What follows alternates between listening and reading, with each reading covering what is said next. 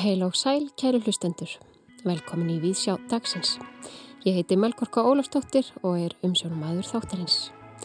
Á bóðstólnum í dag er rýni í urtu, pólitísk aðgerði í þjóðleikúsinu, ekki barbarar á Íslandi og töfraraunsægislegt skáldatal.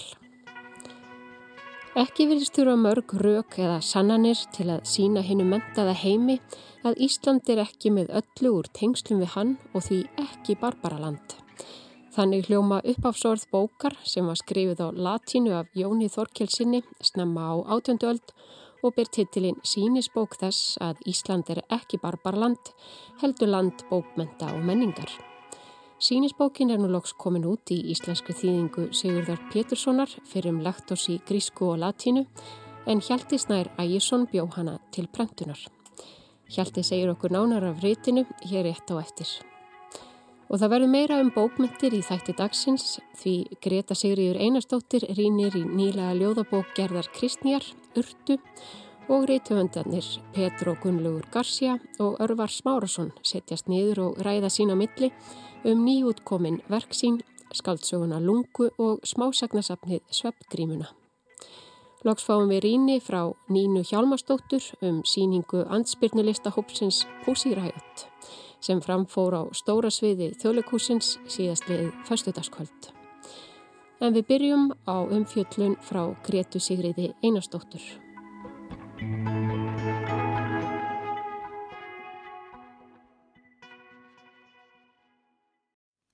Lífið á Íslandi fyrra á öldum var harkalegra en við eigum að venjast í dag og fólki sem lifði þá tíma stóð nær náttúruöflunum. Við þekkjum söguna en það getur verið erfitt að lifa sig inn í aðstæður þeirra. Tíminn býr til fjarlagð millir okkar og þeirra. Þó ekki sé langt síðan á 19. öldinni í stóra samhinginu og við höfum jafnvel sterkar tengingar við fólk sem var uppi á þeim tíma, þá er erfitt fyrir okkur að setja okkur í spór þeirra. Sérstaklega á þetta við um konur þar sem minna efni er lesið frá þeirra sjónarhóli. Urta er nýjasta verk gerðar kristnýjar, ný viðbútt í reytasafn sem telur tugi verka, ljóðabækur, skáldsögur, barnabækur, æfisögur og svo framvegis. Í reytaskráni kennir Ímisra grasa en Urta sver sig í ættina við fyrri ljóðbolka gerðar á borðið blóðhópni og drápu. Þetta eru ljóðsögur sem eiga það sameinlegt að segja sögu frá sjónarhorni konu og leita í menningar og þjóðsagnar af þjóðarinnar með því að fjalla um þið kvenlega sjónarhorn sem ekki er of oft í hávegum haft í rituðum heimildum, nær gerður að sína okkur nýja hlið á sögunni. Urta er heildstætt verk í sjököplum sem samanstanda af knöppum ljóðum. Kaplarnir bera titla sem vísa allir til aðal personunar. Kona rýður net, kona fer til veiða og svo framvegis. Hver síða rúmar einungis örfáar stuttar ljóðlínur en það er valið orði hverju rúmi. Ljóðmælandi er kona frá fyrir tíð sem lýsir harðri lífsbaráttu um óblíðan vetur. Hún dregur fram lífið á afskektum sveitabæ og sækir sjóin, missir mann, börn og jafnvel útlimi en gerir enguða síður þar sem hún þarf til að lifa af og sjá um sig og sína. Í viðtölum við skaldið hefur komið fram að hún byggir söguna á formóður sinni sem dróð fram lífið á ströndum á 19. öld. Ljósmóður sem misti fótinn og var 19 barna móðir. Þetta er saga um missi og erfileika en líka saga um seglu, úthald og von. Ljóðin mynda saman heilstæða frásögn en hvert og eitt þeirra stendur einni á eigin spýtur sem sjálfstæð mynd. Þau innihalda fáarlínur og hver þeirra er stutt, algengt að það séu millir 10 og 30 orða á hverju síðu, en slagkrafturinn í hverju þeirra er gríðarlegur. Þetta eru ljóð til að lesa uppátt fyrir sjálfan sig, því orðana hljóðan er úthugsuð í þaula. Þau eru ekki hefbundin í uppbyggingu en höfundur nota stuðla og innrým til að veita orðunum áhrifamikinn blæ sem unun er að heyra. Hríðin hýðir bæin, dingir snjó í drauma okkar, fagur kvítri fönn. Gerður Kristni á sérstakt hróskilið fyrir veðurlýsingarnar. Ég las bókina í óvennilegum áttastega hita um haust en var engu síður skjálfandi að lesa um svellið sem brestur, hélaðar sengur, bítandi frost og kvassar ísnálar. Sagan fylgir árstíðunum. Við fylgjumst með konunni búa sig undir veturinn, haf ísnum sækja að og vetrinum læsa sig í sveitina. En loks vorkomunni þegar umsátrið losnar eins og ljóðmælandi kemst að orði. Lífsbaráttan er hörð og ljóðmælandin veirar sér ekki við að gera það sem þarf að gera en áfellin dinja á henni og nýsta djúft. Í kaplanum Kona engist um af sársauka er fjallað um það þegar ljóðmælandi verður fyrir slisi og missir fótinn. En líka um það þegar hún missir barnsitt, langdregin andlegan sársauka sem tekur síst minna á. Eins og fyrir segir notar gerður ekki mörg orð en þau sem hún notar eru vandlega valin og lesandi upplifir áföllin og tilfinningarnar sem fylgja í kjölfarið að fullu afli. Það er mikilvægur hluti af sögunni að ljóðmælandi er kona og að sagan er sögð frá hennar hlið. Í ljóðverkum sínum hefur gerður Kristni áður sínt fram á hvað hún er góð í að sína harkalegu hliðina á því að vera kona. Hér sínir hún fram á hvað náttúran er nálagi í lífsbaráttunni. Urtunni sem gefur bókinni nafnið er stilt upp sem hliðstæðu konunar. Þetta er annað dýr sem er bara að reyna að lifa veturinn af og koma afkvæmum sínum á legg. Móðurhlutverkið er yfirleitt tengt við hlýju, umhyggju og vernd, en gerður stillir upp áhrifameklum andstæðum þegar konan sker í sundur selkóp til að sjá sínum eigin börnum fyrir fæði og klæði. Hliðstæðan vísar einni í þjóðsagnaarfin þar sem selir líka oft nær mönnunum en mörg önnur dýr.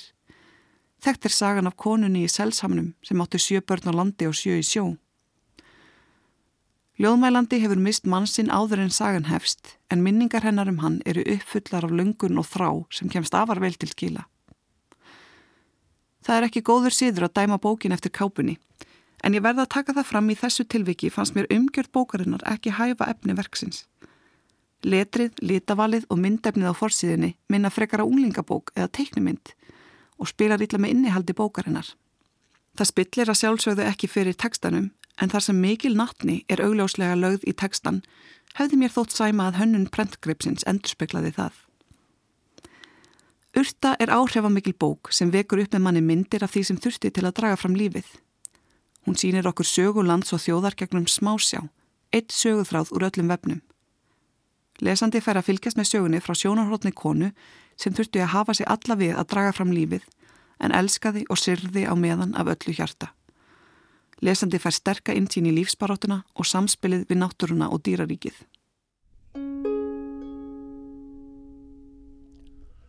Urdragard ég hefi plantað sem oft mitt gyrnist sinn. Orgu hefur eitt til vantað að ebla gjörning minn. Það kemur mér þrátt í þánka að þris var meis á bánka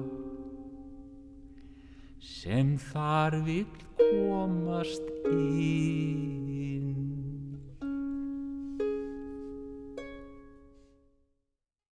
Urtagarðurinn, íslensk þjóðvísa í flutningi Arnar Magnússonar og spilmanna Ríkinis. Hér á eftir umfjöllun Gretu Sigriðar Einarstóttur um ljóðabók Gerðar Kristnýjar, Urtu. Og við ætlum að halda okkur á fyrri öldum og kynna okkur nýlega útgáfu á vegum stopnunar Árna Magnússonar í íslenskum fræðum.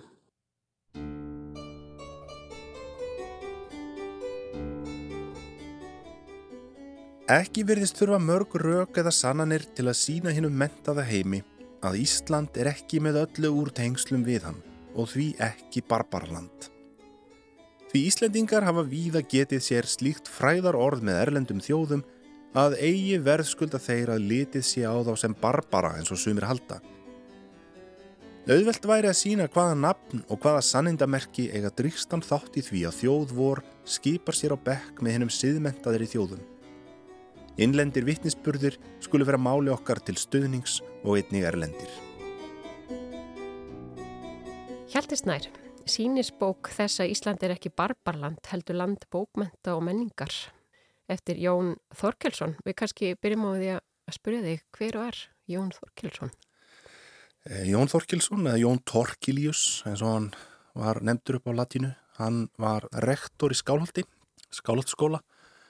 Eh, gengdi því ennbætti í um, tæpan áratug uh, á fyrirhelmingi átjándaldar og Hann var líka latínuskáld og síðan eftir að hann hættir í skálhaldi, hann röklast reyndar frá ennbætti að því að hann er svo, hann er svo harður uh, bindindismadur, hann vil þröngva svona alls konar reglum upp á skólapilta sem uh, eiga að draga út drikkjúskap og halda þeim svona við efni. Þetta þótti umdeilt og lungsaga til um þetta en hann allavega hættir 1737 og, og gerist þá svona agent Íslands út í Kaupmannahöfn og er mjög virkur um árabil, starfar að fræðslumálum og vinnur innan stjórnsíslunar í Danmarku að því að ebla og auka mentunastig Íslendinga. Og það er fyrst og fremst fyrir hans tilstilli sem uh, hér kemur sagt, sendi nefnd, þar sé hann sjálfur Jón og svo Harbó biskup, Lúðík Harbó þessi tveir menn ferðast um allt land á árunum 1741-45 og gera alls herjar úttekt á fræðslumálum taka til hendinni og, og svona hækka svolítið standardin á mentun í landinu mm -hmm. og hérna það er nú mál margra að e, þetta hafi orðið til þess að svona mentunasteg Íslendinga snarhækkaði og það eru til mælingar á læsi að talið að þarna í, á fyrri helmingi aldarinnar eða svona um 1720 þá sé læsi í skálótsembætti cirka 36% en það eru vísbendingar um að læsi á landsvísu sé komið upp í 90% þarna í lok átjándaldar. Þannig að átjándaldin er svona tími þegar Íslendingar læra að lesa og Jón Þorkjörnsson gæti þá kallast maður sem kendi Íslendingum að lesa. Mm. Hann er svona alþýðu fræðari mikill en aftur á móti þessi bók hér er ekki skrifið fyrir alþýðu. Þetta er skrifað á latínu og þetta er ætlað erlendri elitu, evrópskri hér eru lærðar bókmyndir og þetta er svona, já, Jón er svolítið svona tvískiptur á þessu leiti hann er annars vegar þessi alþýðufræðari og hins vegar þessi lærði aristokrati sem að hefur engan áhuga á alþýðu bókmyndum á þeim vettvangi Þetta er eitthvað svona málsvörn, en það ekki? Jú, jú, rítið er líka partur af þessari hefð sem að næra alveg aftur á 16. öld sem sagt málsvörd fyrir Ísland og þetta verður bara bókmenta grein í rauninni sem næri frá Artgrími Lærða og Krímógi sem kemur í uppháðu 17. aldar og þetta, það hér er komin tæplega einni hólri öld síðar og þetta er ennþá í gangi það er alls konar mýtur í gangi um Ísland og það er skrifuð rít af málsmetandi mönnum sem að bara skrifa svona bullum Ísland, eitthvað, eitthvað sem þeir hafa heyrt. Og Jón er svona, tekur sér stöð og sagt, vil svona spórna gegn þessu. Þannig að Jón er mjög ötull talsmaður Íslands og íslenskra menningar og enda er þessi sérstaklega titill bókarinnar svolítið í þeim andan Já, hann segir svolítið margt. Já, það er svona að vera svona að segja sína fram á það, bara sjáu þið það hér er íslensk menning, íslenska bókmyndir Íslandikar eru menningathjóð þeir eru vist menningathjóð þetta er þessi tón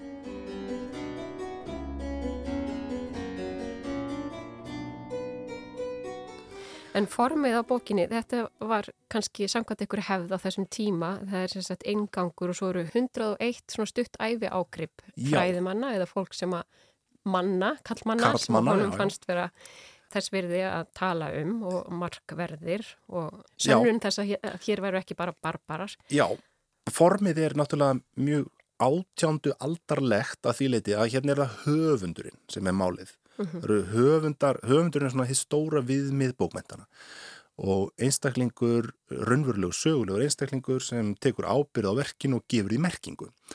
Þetta eru bókmentir eftir tiltekna höfunda og við tólkum þær þannig. Þetta er átjöndaldar svona, já þannig er svona höfundurinn að koma inn í íslenska bókmentir, skulum við segja og um, það er líka, það er líka ákveðna sögulega forsendur til staðar þarna á fjórða áratug átjöndaldar sem ger það verkum að nú verður kleift að skrifa bókmæntasögu og það er auðvitað fyrst og fremst eh, vegna þess að þarna er Árni Magnússon búin að sapna saman allir þessum handritum og það er komin alveg bara bunki af efni og menns fálóksins þessa yfir sín og geta bara skoðað uh, íslenska bókmynti bara frá, all, frá upphafi líku við sko og til síns samtíma.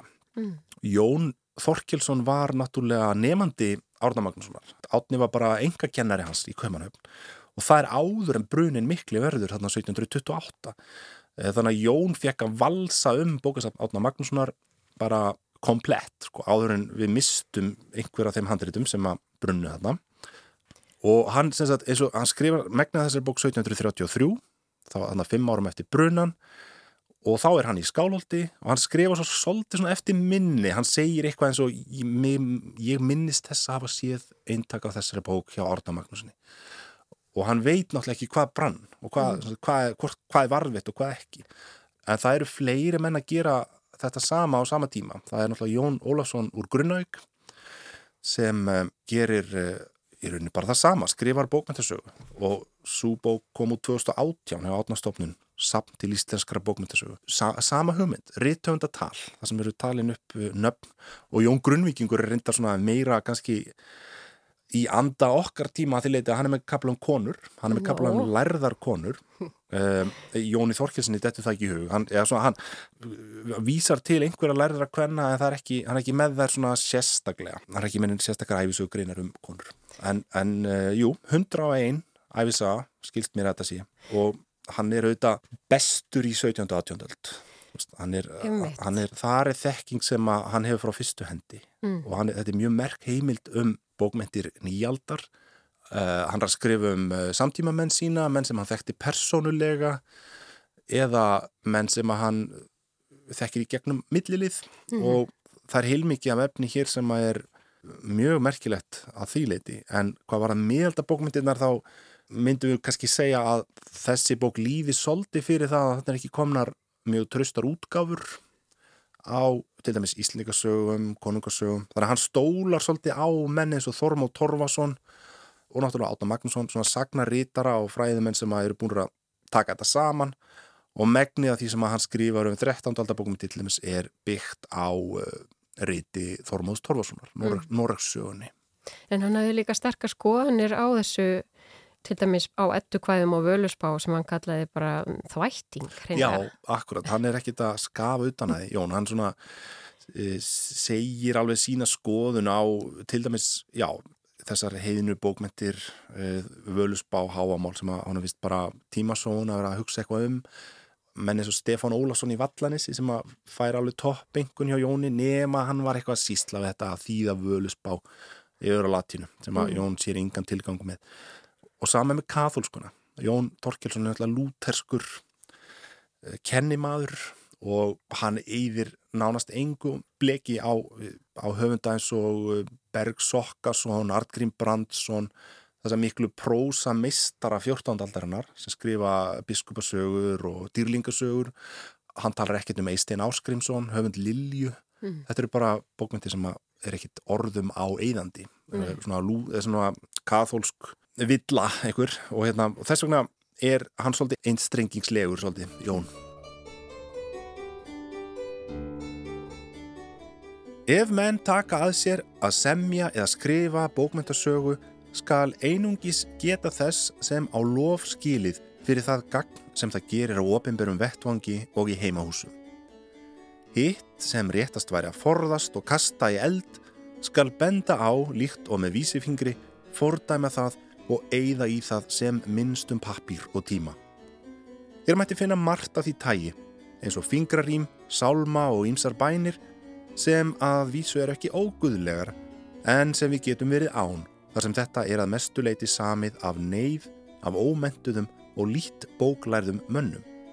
En einnig oft til að sína hugvitsögnina og til að auka hróður höfundar sem ekki var mentaður í guðfræði. Það er auðvitað gloppur í þessu. Þannig er ekki nútímalegur uh, fordómalauðs víðsýt uh, skráseitjari það er auðvitað ykkur, ykkur, ykkur svona hugmyndafræði hér í gangi. Hann er batsís tíma og hann er kennimaður.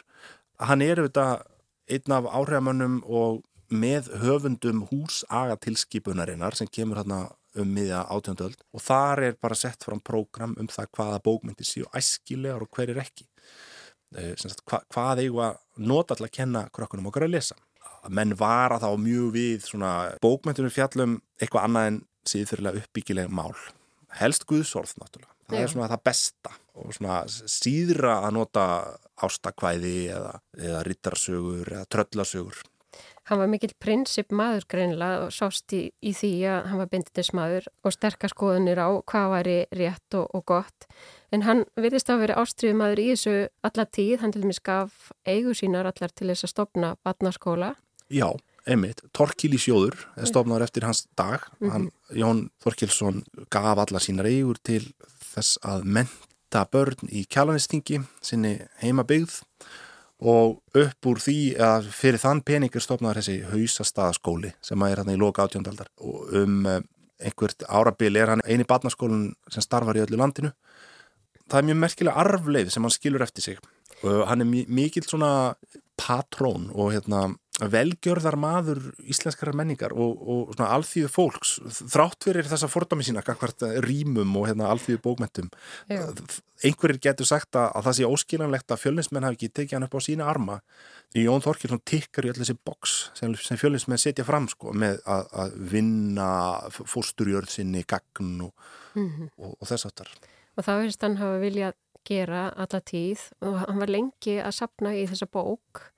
Verðist Já. hafa gert það alveg bara þangar til hann, hann lést. Já, hann er að bæta við uh, stöðugt. Megniða bókin er skrifað þegar hann er í skálhaldi og ef já, ef mann réttar 1733 sem er svona aðalárið skrifar hann svona grunninn og svo bætist við aftast í handritið og þar segir hann sko setja þessar greinar inn á rétta staði og það er hann að hugsa um bara í stárasröð svo bætir hann inn dánar árum manna þegar það er deyja, hann bætir inn nýjum upplýsingum um bækur sem hann finnur.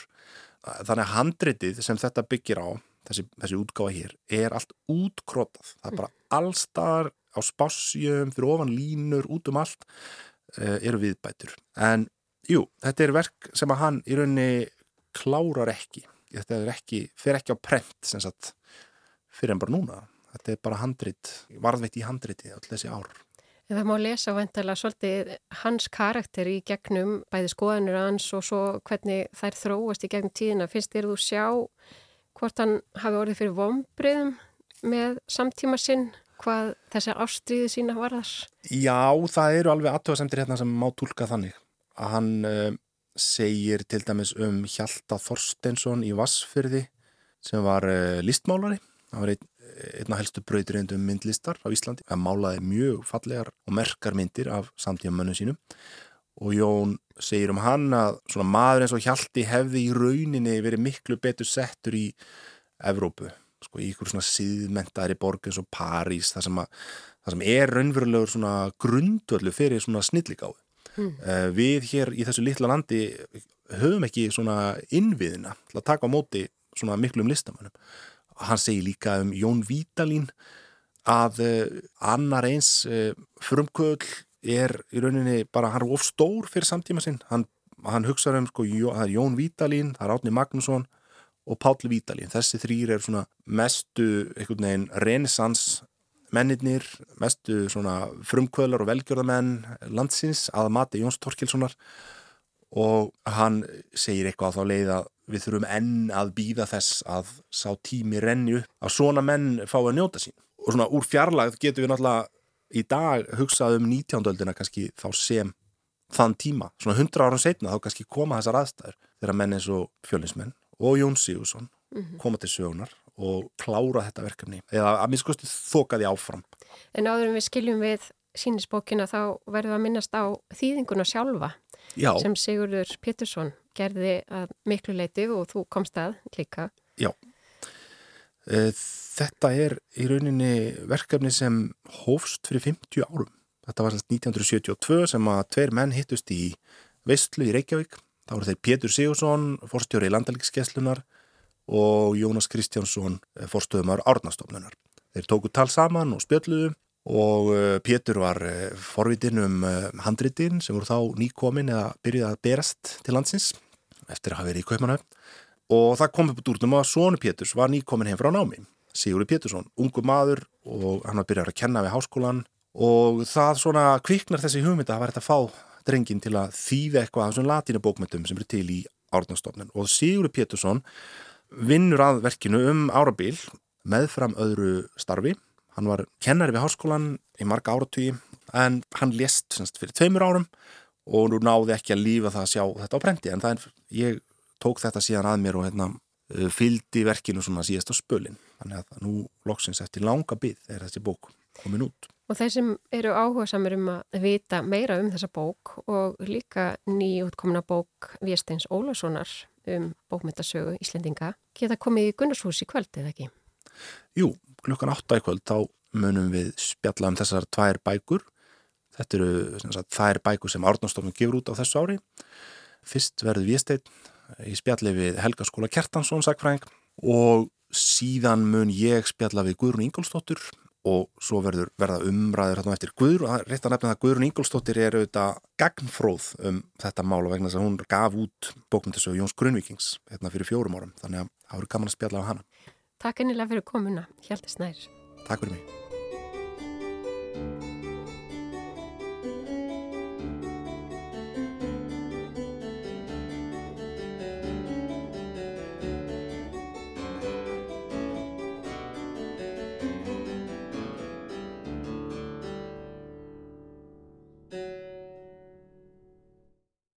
Hjaltisnær Ægjesson sagði okkur frá nýjútkominni bók Jóns Þorkelssonar, sínisbók þess að Ísland er ekki barbaraland.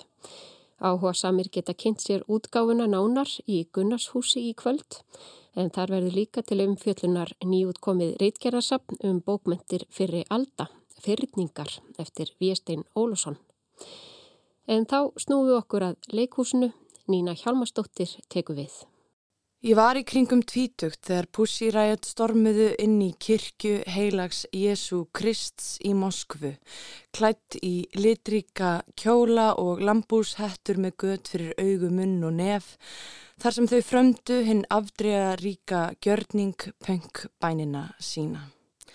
Ég vissi að það var tengt því að Pútín væri að reyna að breyta lögunum til að verða að eilífu forsætisráð þeirra og að þau var að berjast fyrir tjáningar frelsinu en það tók mig kannski smá tíma að átta mig á marglega þýðingu gjörningsins að fremja svona verk í þessu rými. Ég elskaði þetta. Ég elskaði að þau kölluði sig píku óeirðirnar, að kvenleikin innra með öllum væri uppspretta þessa gjörnings sem síndi hvað punk getur verið. Sittna komu afleðingarnar í ljós og magn þeirra fórnar sem þau færðu í nafni réttlætisins. En eitt er víst að þessi feminíski listgjörningur hafði gríðarlega mikil áhrifum allan heim og hryndi af stað vitundar vakningu um kúun rúsneskra stjórnmálta og rúsnesku kirkunar. Tíu ár hafa liðið og Pussiræjöld eru að halda sína fyrstu yfirlitsýningu allra tíma á Íslandi í Reykjavík í sjálfstæða galleríinu Kling og Bang. Sýningin opnaði á fymtudagin og er mjög metnaðarfull. Starfsfólkið þar á hróskilið en mér skilst að þau hafi unnið nótt og dag við uppsetninguna. Niðurstaðan er engar fræðandi síning sem gefur innsýn í ekki aðeins gjörningin í kristkirkini heldur viðtakkan feril hópsins og samhengi listarferrar við samfélagsgerð Rúslands. Þar má sjá heimildur um gjörningar sem ég hafði ekki áður séð eins og þegar þau hengdu upp hinsegin fánan á helstu valdastofnanir Moskvuborgar en hinsegin fólki hefur verið neitað um tilvist sína í Rúslandi laungu áður en stríðið í Úkrænu brust út. Á síningunni býðs gestum einnig að taka þátt í innlumunarverki þar sem þau fá að finna vott að því hvernig er að vera í rústensku fangelsi. Í örtröðunni á opnunardeginum mátti síðan sjá meðlemi Pussiræjöts að undirrita plaggött og bóli en allur ágóði söluvarningsins og síningarinnar í þjóðlegusinu fer beint til stríðshrjáðara í Úkrænu. Það er svo sannlega viðburður á heimsmæli kvarða að Pussiræjöt haldi sína fyrstu yfirlitssíningu hér á landi. En mér þótti ekki síður merkilegt að þau settu upp leiksýninguna sína sem fjallar um síðustu tíu ár, settu hana upp á stóra sviðinu í þjóðleikusinu. Eitt frægasti mótmæla og listgjörningahópur heims sem hefur stuðlað feikilega að vitundarvakningu um ógnarstjórn eins valdamesta ríki heims, stærsta lands í heimi. Þessi hópur er að sína á stóra sviðinu í þjóðleikusi Íslandinga. Það er rétt að veita þessu aðtekli því þetta er pólitísk aðgerð af hálfu þjóðleikusins, af hálfu þjóðarinnar. Þetta sínir ákveðna afstöðu og jafnvel samstöðu og að ekki að taka léttilega. Sýningin byggir á bók Marju Mössu Aljókína að nafni Óeirða dagar eða Riot Days og hverfist í kringum pönkbænina í Kristkirkju, aðdraðandanum og eftirkvöstunum. Þar segir Masja einnig frá dómsmálunu þar sem þau voru dæmt fyrir óeirðir keirðar áfram af trúarlegu hatri og lífinu í fangilsinu. En hún blandar frásögninni saman við pólitískar hugleðingar um hluti eins og frelsi, hamingju og lesbíska ást í fangilsi. Sýningin á föstudagskvöldinu sem er unnin upp úr bókinni var síðan eins og yfirlýsing sem er í senn tónleikar, leiksýning, heimildarmynd og gjörningur. Fjórar mannskjur eru á sviðinu, konur og kvárar. Þau spila á trommur og þverflautu í bland við hljóðheim elektrosýrupunks með hráum tölvu gerðum hljóðum. Tónlistin er ærandi á góðanhátt og erfitt er að sitja kjur í sætinu. Yfir tónlistinni segir fólkið okkur söguna úr bókinni á rúsnensku, bæði með söng en aðalega með leikrænum, móno og díalógum í anda slam ljóðlistar. Á meðan er ennskum teksta varpað upp fyrir aftan þau með kvikmynd sem var tekin upp á þessum tíma á samt brotum úr frettum og fjölmiðlum. Tónlistin er hávar og grýpandi, Upplýsingarnar eru yfirþyrmandi og áreitið er mikið. Að verkið sé stöðugt með allt í botni er öruglega viljandi þar sem áhörundin fær aldrei pásu sem er kannski snevill af þeirri upplifun að vera stöðugt undir eftirliti og ásoknum. Það er ekki hægt að taka augun af flytindunum sem eru sjóðandi af krafti allan tíman. Þau eru í mismunandi búningum sem spila á hugmyndir um hvennfatnað eins og kvíti dúkukjóllin sem massja klæðist sem snýr þannig upp á einhverja fantasíu. Hún er líka í svörtum skóm með engum skóreimum sem vísar í tíman þar sem hún mátti ekki hafa skóreimar í fangelsi. Frameftir verkinu stendur massjað mestu leiti kyrr en geislandi af orgu og meðan manneskjan hliðin á henni í svörtum jakkafata jakka dansar enginnistans púsiræjot með svo mikilli orku að varla er hægt að slíta augun af hán. Þau sem ekki hafa séð upptökuna úr kristkirkju geta reynd að ímynda sér dans þar sem er líkt og útliminnir séu að reyna að frelsa sig frá búknum.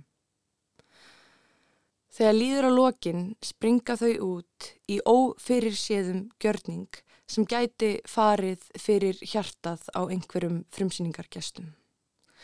Í einu áhrifamiklu atriði má sjá myndir af nokkrum af þeim 442 pólitísku fengum sem eru fangilsaðar í Rúslandi vegna mótstöðu sinnar við stjórnvöld eins og andspyrnu leiðtógin Alexei Navalny.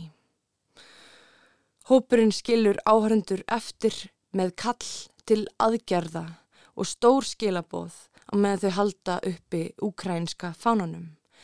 Að það er ekki bara á fólki frá allræðis ríkjum að berjast fyrir réttlætinu. Heldur höfum við hér í löndum eins og Íslandi mikla ábyrð á herðum okkar.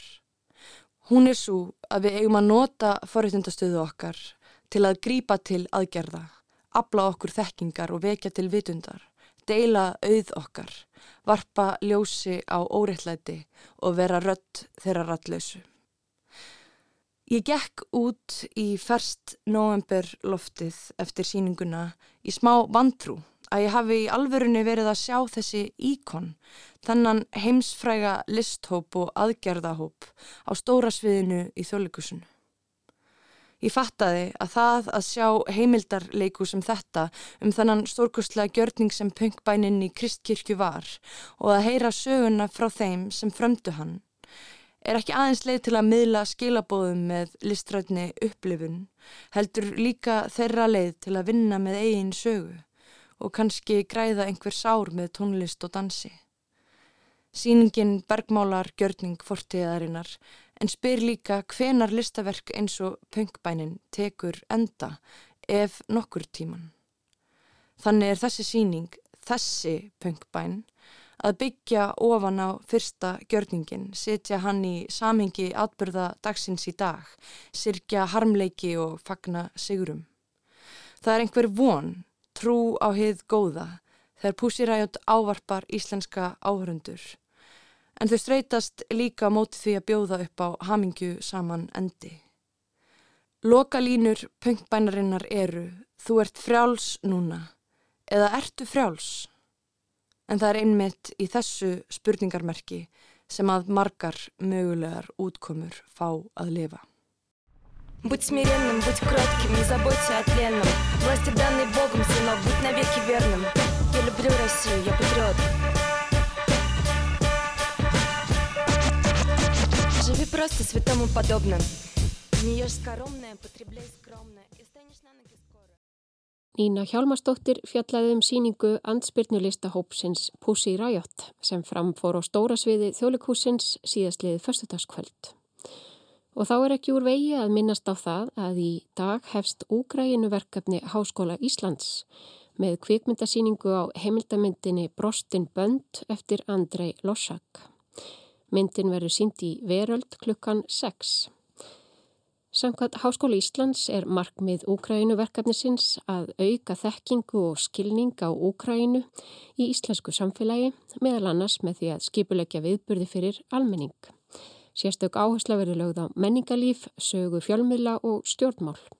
Stuðla verður að því að byggja upp tengsl við þann stóra hóp fólk sem komið hefur hingað frá Úkrænu og við aðila hérlendis sem erlendis sem hafa góða þekkingu á málefnum Úkrænu. Heimildamindin Brostin Bönd fjallar um það hvernig stríðið kom ekki aðeins til Úkrænu, heldur helt innreið sína í rúsnarskar fjölskyldur. Rættir við fólk sem upplifað hefur upplöst fjölskyldu og vinasambanda vegna ólíkra viðþorfa til innrásar rússa í Úkrænu. Eftir kvikmyndasíninguna fara fram umræður með spurningum frá áhærendum og við kvetjum hlustendur til að sækja og sína viðburðum Úkrænuverkefnisins áhuga. En þá er komið að síðasta liðnum í þætti dagsins, það er hið vikulega Ríthöfundarspjall. Ríthöfundarnir Örvar Smárasson og Petro Gunnlugur García eru sestir í hljóðstofu en nýlega gaf Örvar út smásagnasafnið Sveppgrímuna og Petro Gunnlugur skaldsöguna Lungu. Heyrum hvað þeim fer á milli. Já, Örvar, ég var að spá, las þessa sögur og koma auga á eitthvað sem að ég kannast kannski við hjá sjálfuð mér sem mætti kallast heimsendablæti mm. er það eitthvað sem þú tengið við? Já, ég tengi sannlega við það og jáfnvel skammast mín svolítið fyrir heimsendablæti ég hérna var farin að nota þetta svo mikið í tónlistinni. Það var komin, ég held ég þrjára eða fjóra plötur í röð þar sem ég var með eitthvað lög um yfirvóandi heimsenda. Ég lofaði sjálfur mér fyrir nokkrum árum að sem ég aldrei eftir lagum um heimsendan. Og svo svindlaði ég greinlega með því að skrifa sögur um heimsenda í staðin og núna ætlum ég að lofa sjálfur mér að gera það aldrei eftir heldur. Þetta er ómikið mm, kannski fær maður ekki nóg, ég fæ ekki nóg nei, ég mitt, maður fær ekki nóg fyrir en að heimsendi lóksins komin sko. Nei, þetta er ágættis uppbytun. En hérna, þetta er svona ángurværa gerðin. Það er ekki svona mikil dramatík. Samt er raunsægi, grótesk og raunsægi en það er ekkert þátt Nei. bara svona hverstagsleiki, jafnveg leiði. Sko og... eina reyns, reynsla mín af heimsenda er úr draumum. Ég hef aldrei upplifað heimsenda sjálfur áður og einhvern veginn, en mér dreymir hann mjög mikið og mjög oft, mjög mismunandi heimsenda og þá er þetta oft bara svona, emitt, bara jafnvel romantísk pæling sko. Já, náðu við einum kaffibotla í við Já, emitt Þetta myndi má allt öðru í sig saga en það er eitthvað við svona, þessa lágstemdu aðföra að heimsenda sem að fekk mig til þess að um hérna, smásögu eftir Ray Bradbury þar sem að kemur ljósa heimurinn er að farast og í stað þess að frík út eða, eða ákvaða að hvað ætlum við að gera á þau degjum eða við, veist, hvernig ætlum ég að tala við hvernig ætlum ég að nýta síðustu mínutunar þá gerir fólk ekkert sesta, það er bara svona mhm. hátta bönnin, spjalla mm -hmm. saman svo leggst það upp í rúm og fyrir að sofa Já, auðvitað er gott og það, það, það, það einhvern veginn nýstur mann miklu meira heldur en Akkurat gott að setja sér raunsæmar Já, já, mitt og þetta með sko, þetta í sambandi við það sem er með heimsendan í fyrstu sögunni, það séðan heldur kannski svolítið áfram í gegnum e, alla bókina, bara hvernig maður hefur áhrif á heiminni kringum sig og hvort það sé raunverulega hægt að hafa nokkur áhrif á heiminn eða hvort við búum bara í eitthvað svona sábukúlu sem við náum ekki kíla út úr sko. fólk líður svona áfram daldi mótstöðlaust, hefur ekkert í sér að berjast gegn einu það er, þú veist, ein, ein personan er bókstaflega dett í sundur, mm -hmm. þannig að hann fer og kaupi puls og bara, ah, anskotin var þingur eftir á borðinu, bara, aðja held áfram já, já. og eitthvað svona ég fekk þá tilfinninguna, þú ert kannski ekki að samálaði en mér fannst efnið einhvern veginn bara ná utanum ástandið sem þunglindi er að þetta er svona heimur svo þungur og þetta er svo erfitt og það er ekkert að það gera og fólk bara einhvern veginn svona líður áfram og hefur ekki döngun í sér til þess að einhvern veginn taka sjálft sér Mhm. taki eða neitt Já. annað en er, er það bara minn persónlega lestur á efninu eða? Sko ég heyrði þetta frá annari mannesku líka, þetta í sabatið þunglindið og ég mér hafði bara eiginlega ekki dottið þetta í hug áður. Ég ekki líti á þetta öðruvísi því að ég skrifa sögurnar af algjöri innlifin með persónunni.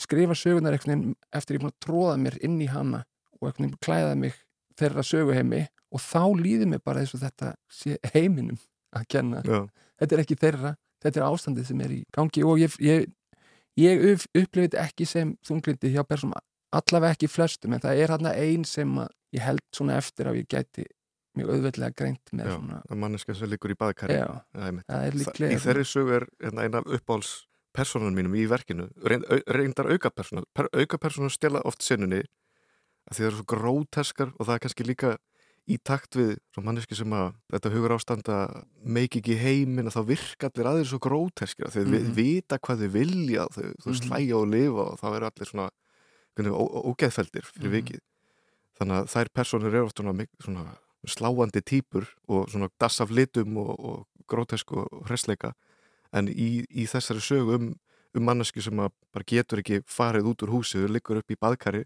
og læsir að sér þegar sonurinn kemur í heimsókn. Þar er þessi auka persóna sem að ég er mjög gaman að sem er sonurinn sem að veit ekki alveg hvernig hann á að díla við mm mömmu sem að liggur upp í baðkari og hann, hann er alltaf að beita einhverju grínrödd. -hmm. Það er mamma, Já, hann er sko, þetta er líka þetta er, svo, þetta er svo erfitt þetta er svo erfitt þegar að færði ekki sko svörun frá mömmuðinni og hvað er hérna eina sem hann hefur einhvern veginn?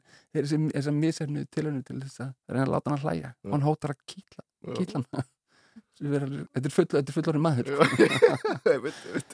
Hvernig lístur þessu? Að hann var með svo frosk, frosklega mér finnst þú leikana rosalega vel sko. Ég- hérna, ég, ég bara svona, hef, hef heyrt hana fyrir höstum að mér þetta er mjög, mjög svipa svona Ég er- Kermit. En Petró, bókin þín Lungu, þetta er eh, svakalegt stykki, þetta er löng og stór og mikil bók og hún spannar 170 ár ef ég reynaði þetta rétt og sko mjög Ég sé alltaf bara type 200 ár. Tæp En 200 ég, ár, já, það er miklu ég, ég er ekki sem að ég hafi talað það sjálfur sko, þannig að það er gott að Ég held að hu- ég- 170 samt svo flott, það er nákvæmt ekki, en svo spannar hún miklu lengra. Hún fer, jafnvel, hún fer langt, langt inn í framtíðina líka. Mm. á, á og þessi 170 ára enda 2089 þetta er, ég verð að segja samt þetta mögnu bók sko, magnað bara að, e, að þú hafi náð að segja svona langa fjölskyldusögu og látið hann að renna svona vel og samt að halda heildarmyndinni og heildarsögunni.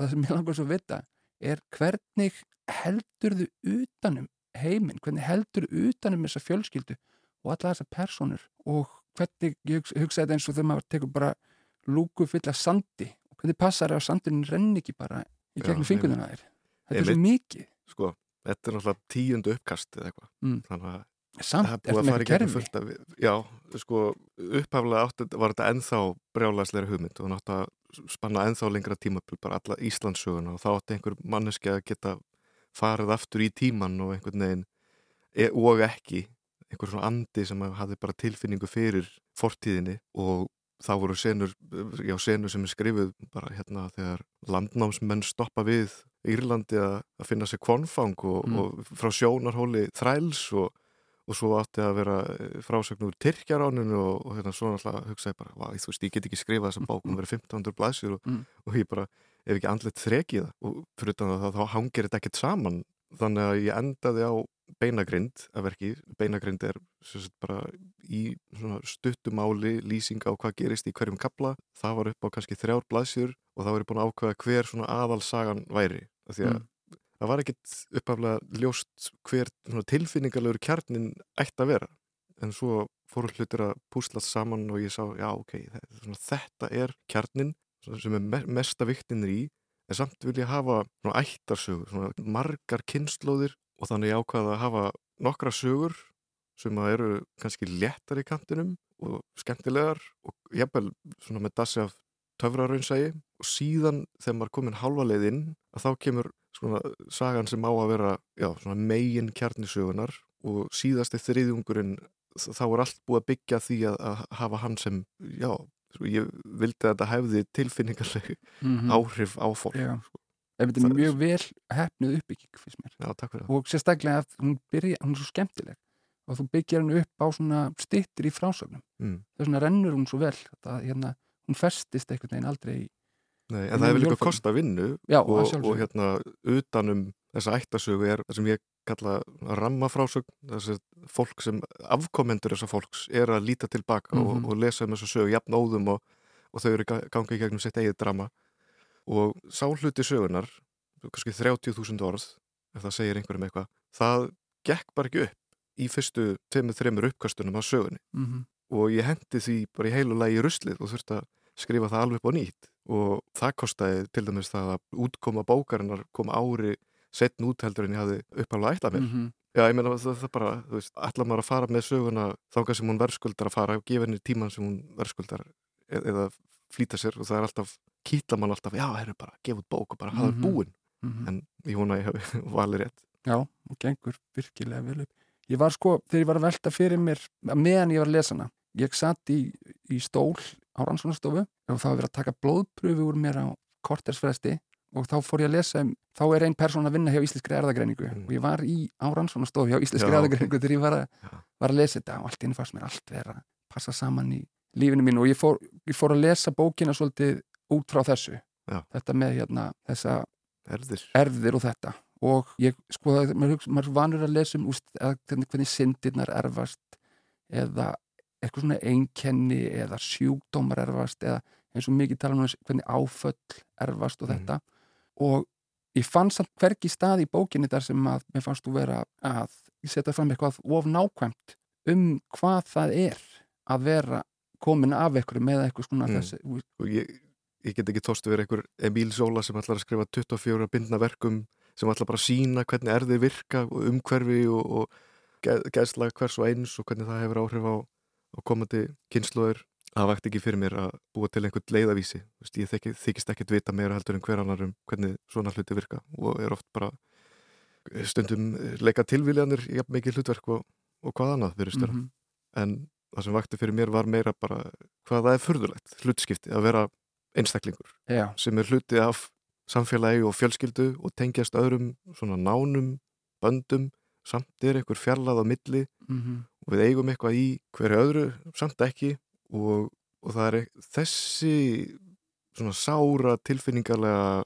einmannalega sá hluti tilveruna sem að eh, lokkaði mig frekar að því að segja fjölskyldisögu út frá þessum kendum Akkurat. frekar en að hérna, alltaf segja fólki, já, áföll erfast en, en svo, svo gerist það samt í sögunu, já, ég, ég, þú veist, var komin hálfa leiði gegnum þetta handrit og hugsa, að, ah, heyrðu er þetta áfallasaga?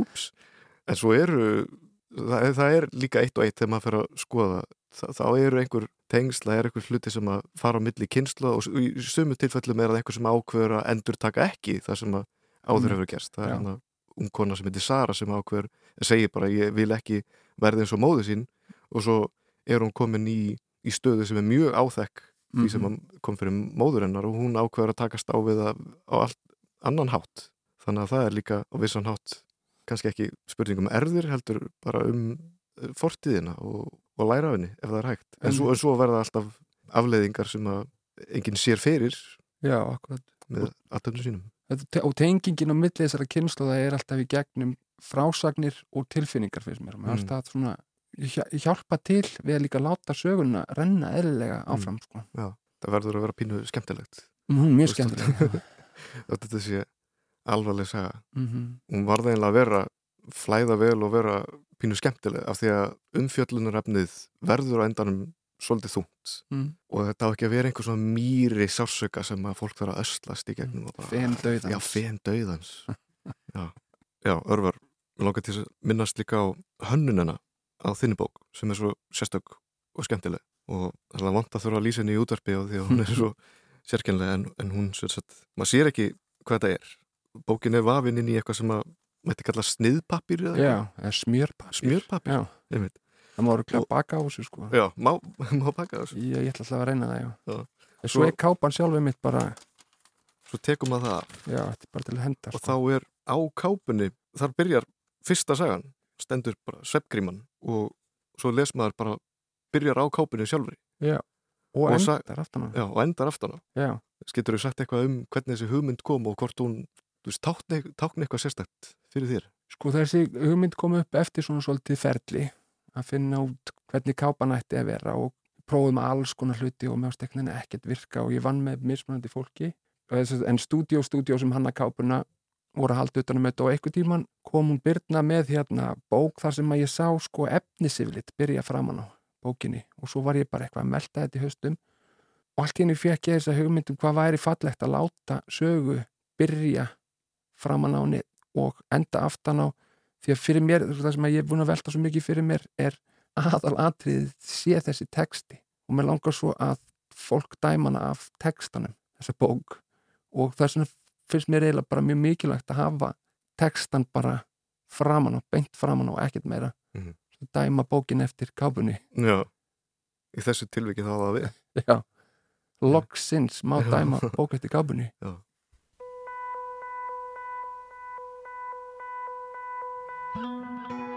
Ríthöfundarnir Örvar Smárasson og Petro Gunnlaugur Garcia rættu nýjótkomin verksín, sveppgrímuna og lungu. Og þá erum við komin að leiðalokum í dag. Við sjá verður hér aftur á sama tíma á morgun. Takk fyrir áhernina. Verið sæl.